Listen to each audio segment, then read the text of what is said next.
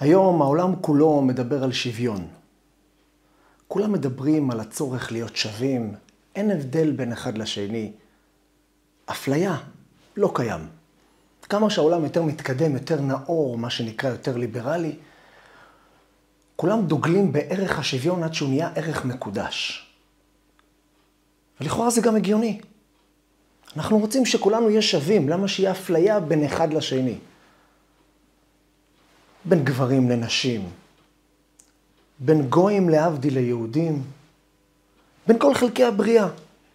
עד כדי כך שיש אנשים שבגלל ערך השוויון הזה, הם לא אוכלים בשר. כי בעצם למה אתה שונה, למה אתה שווה יותר מהבעל חיים, הפרה, או העגל שלה, שאתה חוטף אותה ושוחט אותה. מספרים על אחד שהיה מדבר הרבה על ערך השוויון. היה מעריך, מרחיב, מסביר את הערך והקדושה שבזה כמעט, כמעט דת, של ערך השוויון.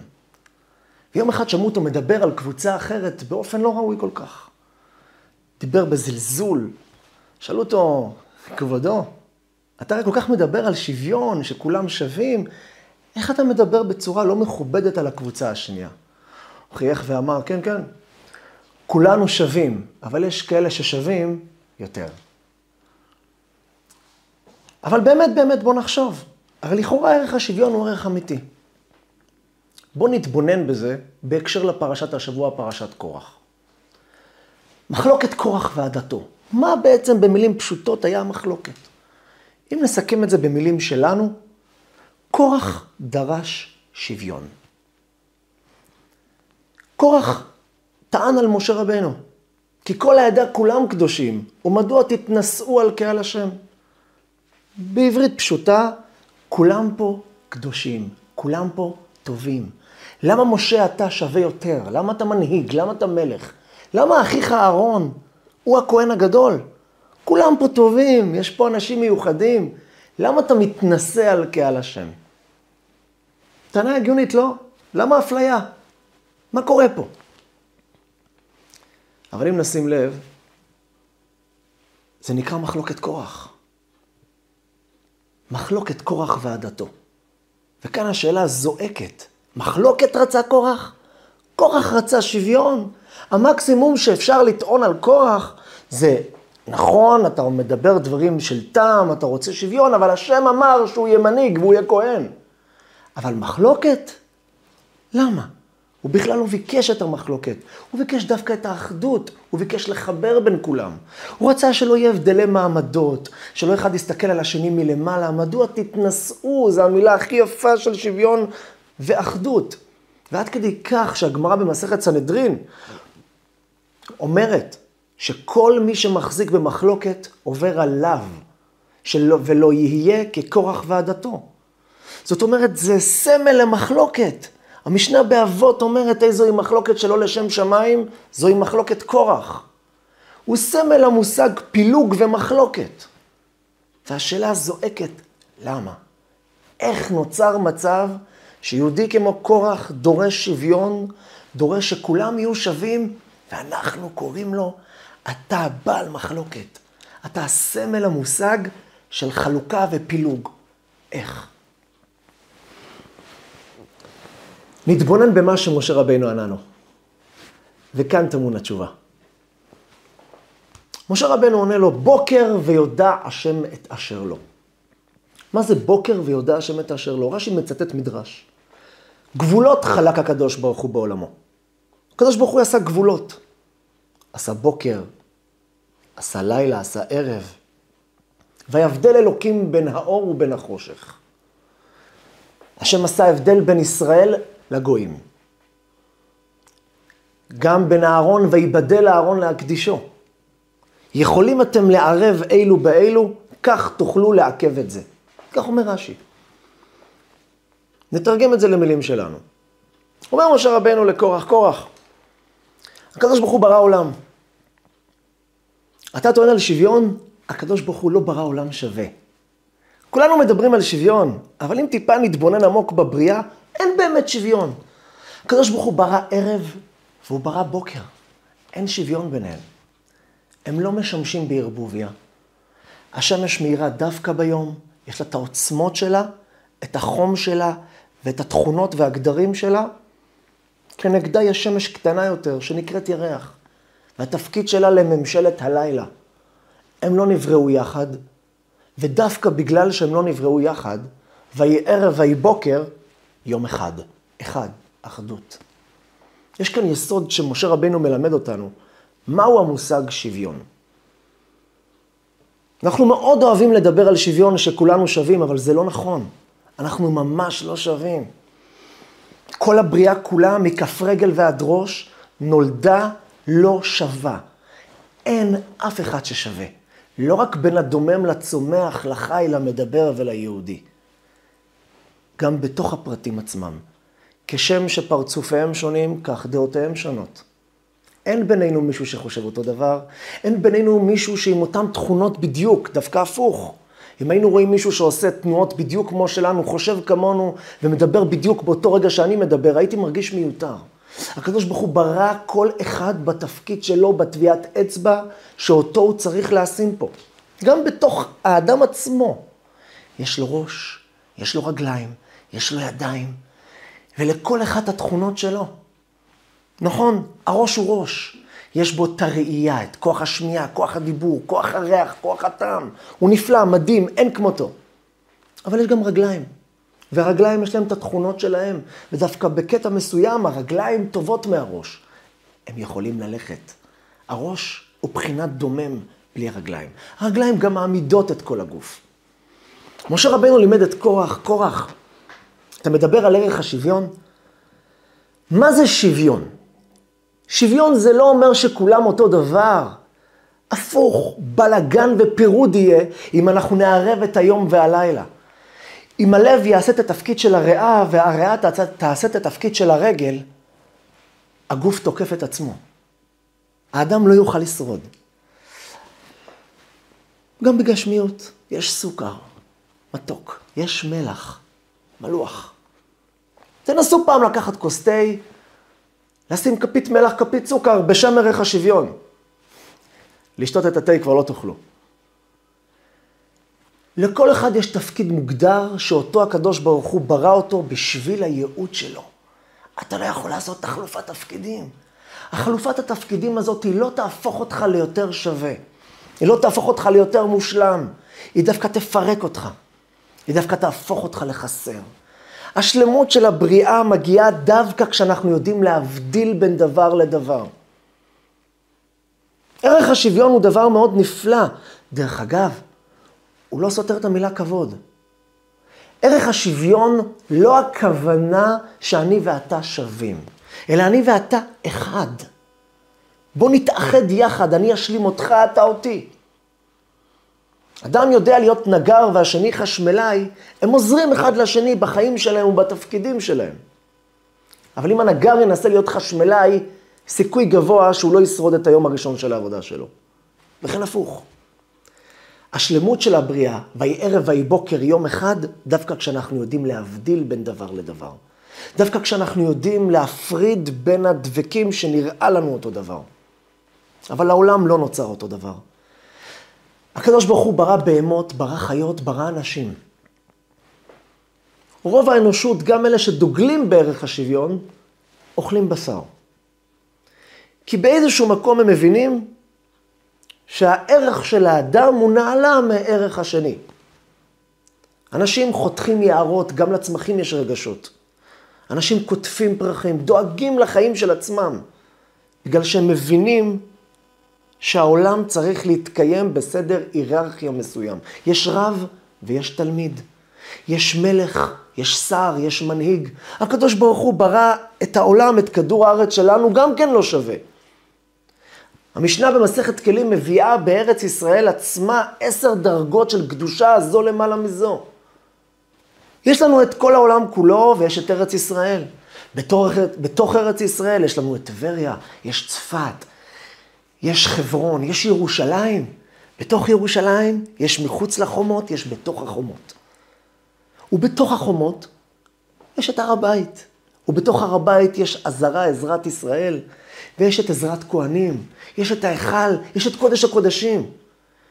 גם בתוך עם ישראל יש כהנים, יש לוויים, יש ישראלים. הם לא שווים. לכל אחד התפקיד וההגדרה שלו. המושג שוויון הוא לא שהכהן נהיה ישראל והישראל נהיה לוי. הכהן מכבד את ישראל, הישראל מכבד את הלוי, כולם מכבדים את כולם, אבל אנחנו לא באותו תפקיד. לא נולדנו כאן להיות באותה נקודה ובאותו תפקיד כולנו, ממש לא. אנשים שונים, וכמו שבפרשת ניצבים אנחנו רואים, יש שוטריך, יש שופטים, יש זקנים, יש גם חוטב עציך, יש גם שואב ממך. נכון, אתם ניצבים כולכם היום, אבל דווקא בגלל שכולנו ניצבים, כל אחד במקום שלו ובתפקיד שלו, אנחנו נהיים כולכם. אנחנו משלימים את כולנו להיות באחדות ובשוויון אמיתי. גם במוזיקה זה ככה. נתאר לעצמנו במוזיקה יושבים בקונצרט, מאה כנרים, פסנתרן, נבל, יושבים, מוזיקה מדהימה. כן, והמוזיקה הזאת, הכנר פתאום מסתכל ורואה את הפסנתר מקיש על הפסנתר שלו ואומר לעצמו, רגע, למה הוא מקיש עכשיו ואני זה ששותק? והוא מחליט לפרוט על המיתרים של הכינור. הוא הרס את כל הקונצרט. מן הסתם בהופעה הבאה לא ייקחו אותו. אבל למה? למה הוא ואני לא? בגלל שהתפקיד שלך הוא תפקיד אחר. אם אתה תהיה כמוהו, אם אתה תעשה בדיוק מה שהוא עושה, לא יהיה פה שוויון. יהיה פה בולקה ומבולקה. יהיה כאן חורבן. יהיה כאן ברדק אחד גדול. שוויון, שלמות, אחדות, בדיוק הפוך. זה לא יהיה לעולם. אחד הגיע פעם לרבי מלובביץ', בוכה בדמעות שליש. אמר לו, רבי, יש לי חמישה ילדים. תאמין לי הרב, את כל החמישה ילדי, ילדים נתתי להם אותו חינוך. כולם גדלו לי לתפארת, כולם נהיו צדיקים, תלמידי חכמים, עושים לי נחת. הגיע הילד החמישי, פירק את הכל. בלאגן, בתלמוד תורה, בישיבה, מאז שאני מכיר. אבל למה רבי? נתתי לו בדיוק את אותו הדרך שנתתי לכל הארבעה. למה הוא יצא שונה? אמר לו הרבי עם חיוך אוהב, יהודי יקר, זה בדיוק הבעיה. שנתת לכולם את אותו חינוך. אבל לכל אחד יש תכונות אחרות. דווקא בגלל שנתת לו את אותו חינוך שנתת לשני, הוא יתפרק לך בין הידיים. כי הילדים שלך לא שווים. הם ילדים שלך, יצאו מאותה אימא, אבל הם לא שווים. חנוך לנער על פי דרכו, גם כי הזקין לא יסור ממנו. דווקא כשאנחנו יודעים לתת לכל אחד את המקום האישי שלו, את הפינה המיוחדת שלו, להבין שהוא בעצמו, יש לו את ההגדרות והתכונות שלו שאף אחד לא עשה אותם מעולם ולא יעשה אותם. לכל אחד יש את הטביעת אצבע שהוא צריך להשאיר בעולם. אנחנו משאירים חותם, והחותם הוא שלנו. החותם הוא לא של אף אחד אחר. אנחנו שמים את התכונות וההגדרות שהשם שם אותנו פה עם הכישרונות והכישלונות והדברים הטובים יותר והטובים פחות. איתם אנחנו צריכים לדעת להיכנס לעולם ולחיים שלנו. משה רבנו הסביר לקורח, גבולות חלק הקדוש ברוך הוא בעולמו. הגבולות האלו הם לא התנשאות, הם השוויון. אם הרב בבית הספר, או הרב בכיתה, או הרב בבית המדרש, התלמיד יתייחס אליו כשווה בין שווים, זה בדיוק מה שקורה היום בחינוך, בציבור הלא יהודי. זה בדיוק מה שקורה. בשם ערך השוויון הזה, ירד המעמד של רב ותלמיד, מורה ותלמיד, והתלמיד יכול להתייחס למורה שלו באותו רמה שהוא מתייחס לתלמיד אחר. והמשמעת והחינוך נהרס מזמן, בשם ערך השוויון. אבל לא קיבלו פה שוויון, לא קיבלו פה אחדות, דווקא קיבלו פה מחלוקת. ויקח קורח מתרגם התרגום והתפלג קורח. נהיה פילוג. דווקא בשם הערך הזה של להיות שווה, נוצר בלאגן. מסופר, פשט בטיצקי, מספר שבאנטוורפן בבלגיה, היה להם יהודי שהתחיל להתקרב, נדלק לו משהו בנשמה. הוא הגיע לשבתות, הגיע להניח תפילין, הגיע לשיעורים, אבל הייתה תקופה מסוימת שהוא לא הגיע. ורב שבתאי לא הבין כל כך למה, מה קרה שהוא נעלם. יום אחד שהוא פגש אותו, אומר לו הבחור, כבוד הרב, ככה בפנים מושפלות, אה, אני הכרתי בחורה מאיטליה, לא יהודייה, ואני נוסע לאיטליה. אני מתחתן איתה. אני יודע שאפשר, יש כזה מושג ביהדות שנקרא לגייר, ויכלתי לגייר אותה, וככה אנחנו נתחתן ביחד כגרים, אבל אני יודע שגרות זה דבר קדוש, ואני לא רוצה להשתמש בדבר הזה בשם המאוויים והרצונות שלי כדי להתחתן איתה. וככה בפנים מושפלות הוא מסביר לרב, הרב, אני, אני מתנתק. אני מחליט לעזוב. עכשיו טסה בטיצקי אמר לו, תקשיב, לפני שאתה עושה כזה צעד חריף, בוא איתי לכמה רבנים. בוא איתי, בוא איתי. תעשה, אתה עושה צעד חריף מאוד, דע לך, הילדים שלך כבר לא יהיו יהודים, אתה מתנתק, בוא איתי. הוא לקח אותו לכמה רבנים, וכל רב עם הדרך שלו, אחד הבטיח לו שיעשו ממנו קציצות, אחד אמר לו, ישימו אותך במנגל מספר כך וכך בגיהנום, כל אחד תיאר לו. וניסו להסביר לו גם שהילדים שלו לא יצאו יהודים, זה לא פעל עליו. ורב שבתאי הוא אומר, הרב, אני יודע את כל זה. אני כבר התקרבתי קצת לאחרונה, אני פשוט לא מסוגל להתנתק. היא הכלה שלי ואני מתחתן איתה והחתונה לא תתבטל. ואז הוא הציע לו, תקשיב יהודי יקר, בוא איתי לרבי מלובביץ'. נסעו לשם.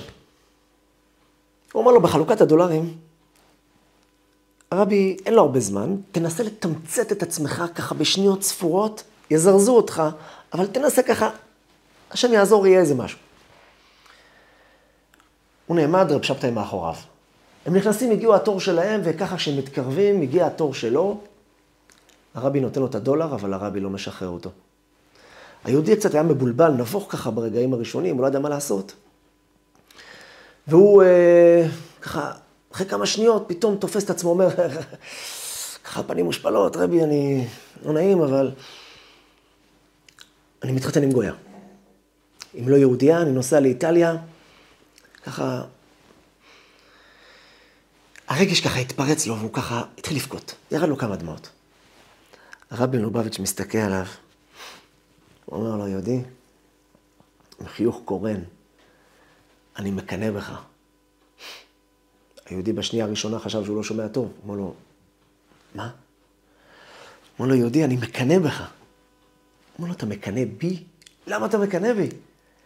אמר לו רבי מלובביץ', דע לך, יהודי יקר, שכל ניסיון שהקדוש ברוך הוא נותן לנו הוא כמו סולם.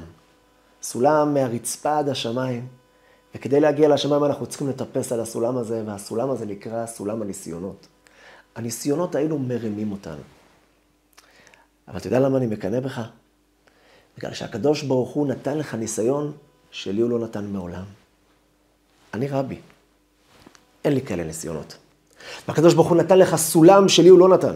הוא נתן לך אפשרות לבנות לו איזה ארמון, ארמון כל כך יפה, עם כל כך התגברות, שלי הוא לא נתן אותו. הוא סומך עליך. הוא יודע שאתה מסוגל לעבור את, ה, את הרוביקון הזה. אתה מסוגל לעבור את הנהר השוצף והקשה עם הניסיון הזה. אני מקנא בך. היהודי היה בשוק. הוא ירד למטה, פשוט ישב על ספסל והתחיל לבכות. הוא לא יכל לתפוס את זה. הרבי מקנא בי. איך יכול להיות? הוא חזר לאנטוורפן. הוא נהיה יהודי שומר תורה ומצוות, כמובן שהחתונה כבר התבטלה. אלף פעם התבטלה. הרבי מלובביץ' לא אמר לו את זה כמשפט חיזוק. הוא לא אמר לו את זה בגלל שלעודד אותו, וזה היה טריק כדי להוציא ממנו את החתונה הלא כשרה הזאת. הוא אמר לו משהו אמיתי. הוא אמר לו, דע לך, גם אני. אני כרבי, אני כמנהיג, יש לי את התפקיד שלי. שמו אותי פה בשביל משהו מסוים. יש את המשה, שזה שמנהיג את עם ישראל במדבר 40 שנה. יש לו תפקיד מסוים. אבל כמה שהרבי יהיה גדול, כמה שהצדיק יהיה גדול, כמה שלא משנה מי יהיה ברום הפסגה, גם להוא למטה יש תפקיד שלהוא למעלה אין אותו. במקום שבעלי תשובה עומדים גם צדיקים גמורים לא יכולים לעמוד, מוסבר בחסידות באחד ההסברים, הוא בדיוק בגלל זה. כי את התפקיד שבעלי התשובה עושים מלמטה, אף צדיק לעולם לא יוכל לעשות. כמה שהראש, כמה שעיני העדה והצדיקים, יש להם את המעלות שלהם. אף על פי כן, יש למטה, ליהודים הפשוטים, לכל אחד שהוא, לכל מישהו שאי פעם דרך פה בכדור הארץ, ב-70, 80, 90 שנה שהוא חי פה, יש לו תפקיד, ותפקיד שרק הוא יכול לעשות. את הנר האישי שלו, את האור המיוחד דווקא שלו. רב זושה מהניפולי אמר פעם משפט, משפט ששווה לשים עליו מבט. אמר רב זושה מהניפולי, אם אברהם יבינו, אבינו יבוא אליי ויציע לי עסקה. זושה, יש לי עסקה איתך. כן, מה העסקה אברהם? תקשיב, אני מוכן להתחלף איתך.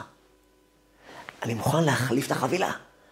אני אהיה זושה, אתה תהיה אברהם אבינו, עם כל האברהם אבינו, עם כל המעלות והדרגות, ואני אהיה זושה. אני אגיד לו שאני לא מסכים, אמר רב זושה. אתם יודעים למה? כי אני עושה רק ביזנס שיש לקדוש ברוך הוא רווח מזה. לפני שהיה תחלופה ביני לבין אברהם אבינו, היה זושה אחד, היה אברהם אבינו אחד. וכל אחד והתפקיד שלו. אחרי שנעשה את הביזנס הזה, עדיין יהיה זושה אחד ואברהם אבינו אחד. אלא מי הרוויח? אני הרווחתי, הקדוש ברוך הוא לא הרוויח כלום. ולמה? בגלל שלזו שיש את התפקיד שלו, שמישהו צריך לעשות אותו. בתפקיד של רב זושה, אברהם אבינו הוא לא יותר. מה זה להתחלף? התפקיד שלך הוא התפקיד שלך הנצחי. גם הצדיק הכי גדול בעולם לא יוכל לעשות אותו. גם אם יקראו לו אברהם אבינו, ולך איש פשוט, ראובן, שמעון, זה לא משנה. אם הוא יתחלף איתך, העולם נשאר עם אותם תפקידים. ואתה תצטרך למלות את התפקיד שלך בדיוק כמו שהוא יצטרך למלות את התפקיד שלו.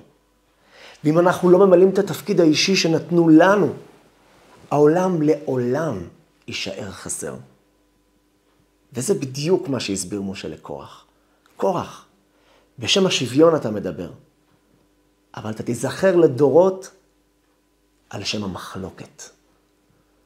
כי השוויון בעירוב התפקידים הוא לא שוויון. אם ישראל יכולים להיכנס להקריב קורבנות בבית המקדש, אם אין מושג כזה של ישראל וכהן, נהיה חורבן אם גם יהודי יכול להיכנס להקריב קטורת, אם גם יהודי יכול לשחוט קורבן. אין פה שוויון, אין פה ערך של שוויון. יש פה רק בלגן אחד גדול שכל אחד עושה את התפקיד של השני. כמו שהסברנו, גם הגוף שלנו מחולק בצורה כזאת. אבל, אבל, אנחנו צריכים לדעת שבדיוק כמו שהגדול, ההוא שלמעלה, משפיע על אלה שלמטה, זה עובד גם בסדר הפוך. נסביר את הכוונה. נכון, הכהן הוא המקריב את הקורבן. הכהן יכול להיכנס רק לבית המקדש, בפנים, עמוק. אבל כן, לנו יש מצווה וקידשתו. הקדושה שלו מגיעה משלנו. נכון, גם בימים, לא כל הימים שווים. יש יום חול, יש חול המועד, יש יום טוב, יש שבת, יש שבת שבתון, יום כיפור. הם לא שווים, הם לא שווים ואסור שהם יהיו שווים. אל תעשה שבתך חול. יש לה תפקיד של השבת. ומיני מתברכין כל שיטין יומים, השבת מברכת את כל ימות השבוע.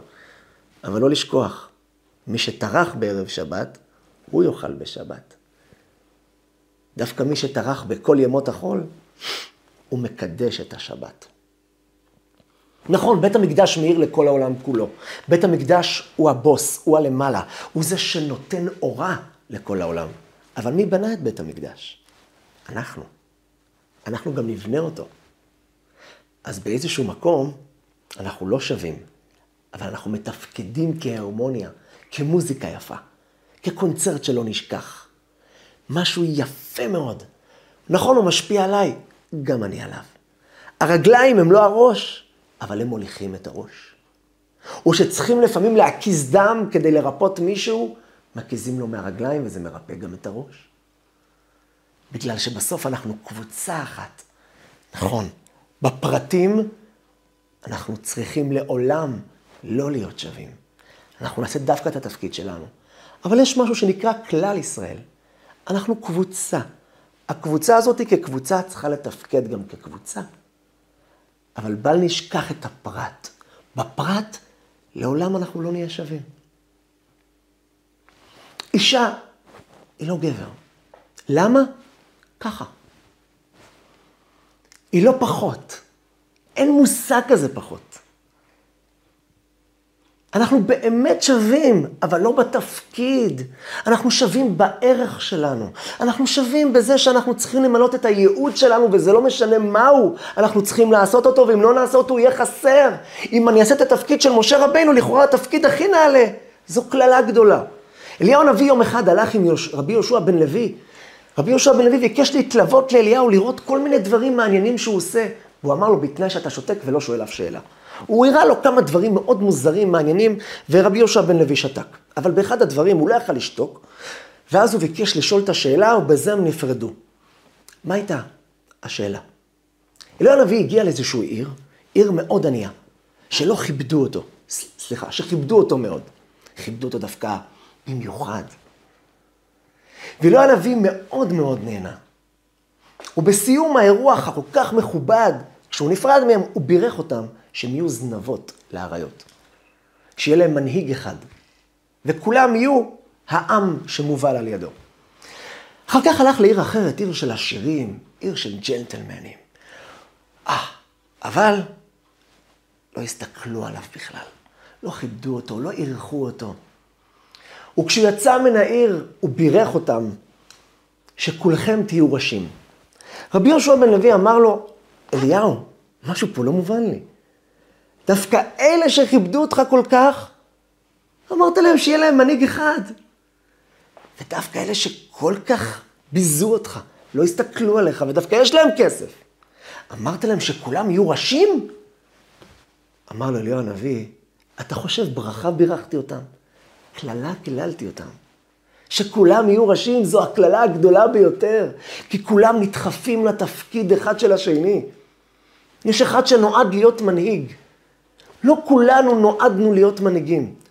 נכון שהרבה פעמים אנחנו מחנכים, וזה יכול להיות לפעמים הסיבה להרבה משברים שחווים הילדים או הבחורים, שכולנו יום אחד ננהיג את עם ישראל. זה לא נכון. לא יום אחד ננהיג את עם ישראל. לנו יש תפקיד של העם. אולי יש בינינו גם כאלה שמתאימים להיות מנהיגים, וגם כל אחד יש לו איזושהי מנהיגות. מנהיגות על עצמו בוודאי, אבל בביתו, בשכונה, בבניין, בכיתה, יש. אבל בפן הכללי יש מנהיג אחד. דבר אחד לעם. אם יש שלושה מלכים, מנהיגות לא יהיה. צבא לא יהיה. הכל ילך לכל הרוחות, לא יצליח כלום. בגלל שאנחנו לא באמת דומים. אנחנו לא נועדנו תמיד לאותו תפקיד. אבל את התפקיד שלנו, אנחנו צריכים לעשות בשלמות. את התפקיד של מי שאנחנו, מה זה משנה? מי? מי שאנחנו, לעשות אותו, ולעשות אותו טוב. הקדוש ברוך הוא ברא אישה, הוא ברא גבר. הם לא שווים. הם לא שווים בכלום. לא בצורת החשיבה, לא בצורת ההסתכלות, לא בכוח הפיזי, לא בשום דבר. למעט זה שיש להם אף, עיניים ופה. וגם בזה לא הכל אותו דבר. לאישה אין את אותם מספר איברים כמספר הגבר. יש לה מספר איברים שאין לגבר בכלל. הם לא נולדו אותו דבר, לא עם אותן תכונות ולא עם אותן הגדרות. מי שמחפש לעשות שוויון ביניהם, טועה. בפן הכללי בטח, אהבה, כבוד, מכבדה יותר מגופו. יותר, הגבר צריך לכבד את האישה עוד יותר מאשתו. אבל שוויון? במה? אנחנו אותו דבר? לא. אני יותר? גם לא. יכול להיות שכן, יכול להיות שלא, תלוי מי אתה. תלוי מה אתה עושה עם הכלים שנתנו לך. זה לא יותר ופחות, זה לא עניין של טוב ולא טוב. זה עניין אם אתה עושה את התפקיד שלך. לאישה יש את התפקידים שלה ואת ההסתכלות שלה. כולם היום מדברים, למה שהבנות והנשים לא ילכו לצבא? למה שהן לא יהיו לוחמות בקו הראשון של החזית? אבל לא. לא בגלל שהיא לא שווה, בגלל שזה פשוט לא התפקיד שלה. השם ברא אותה, תתבונן, יהודי יקר. הוא בנה אותה עם כוח פיזי אחר, עם מסת שרירים שונה. לא בגלל שהיא פחות או יותר שווה. זה לא קשור. זה קשור למהות התפקיד שבשבילה היא נולדה. למהות התפקיד שהגבר נולד. אז כשמדברים על ערך השוויון, נחשוב על זה. השוויון נוצר דווקא כשיש הבדל בין, בין הדברים. אש ומים לא דומים. ממש לא. שונים בתכלית אחד מהשני. אם אני אנסה לחבר ביניהם, אחדות לא יהיה פה. יהיה ביטול של אחד מהם. או שהמים יתאדו, או שהאש תתכבה. אם אני כן רוצה בכל אופן לחבר ביניהם, יש דרך לעשות מחיצה, הבדלה. אני לוקח סיר מים, שם בתוכו, בתוך הסיר אני שם מים, שם אותה על, ה... על האש. שם אותה על הקיריים. ואז נוצר אחדות ואהבה בין המים לאש. כשעשיתי ויבדל אלוקים בין האור ובין החושך, הבדל בין המים לאש, באותו רגע נהיה שלמות, האש מצליחה להביא את הביטוי שלה גם לתוך המים. המים נהיים חמים. אבל השלמות הזאת קורית דווקא כשיש הבדלה בין הדברים. וזה בכל דבר, בכל דבר בבריאה. מצד אחד אנחנו פרטים, ומצד שני אנחנו שווים. בפן הכללי כולנו שווים. אנחנו צריכים לכבד את כולם, יהיה מי שלא יהיה. כולם, אהבת ישראל, אבל לכבד כל יצור, כי בצלם אלוקים ברא את האדם. כולנו צריכים לכבד את כולם. בפן הכללי, שווים, ועוד איזה שווים. בפרט, מה פתאום? יהודי הוא גוי? מה פתאום?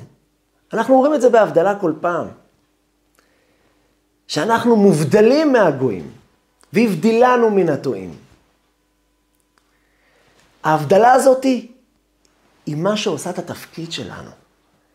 יש לי תפקיד, נולדתי להיות יהודי. גם הגוי יכול יום אחד להתגייר ולקבל תפקיד חדש. גם אנחנו יכולים יום אחד להתקדם ולקבל תפקידים נוספים. אבל כל עוד שאנחנו בתפקיד שלנו, לא נלטוש עיניים לדשא של, השלח, של השכן. גם אם הוא נראה לך ירוק יותר, הוא ירוק יותר, לא. לא לך.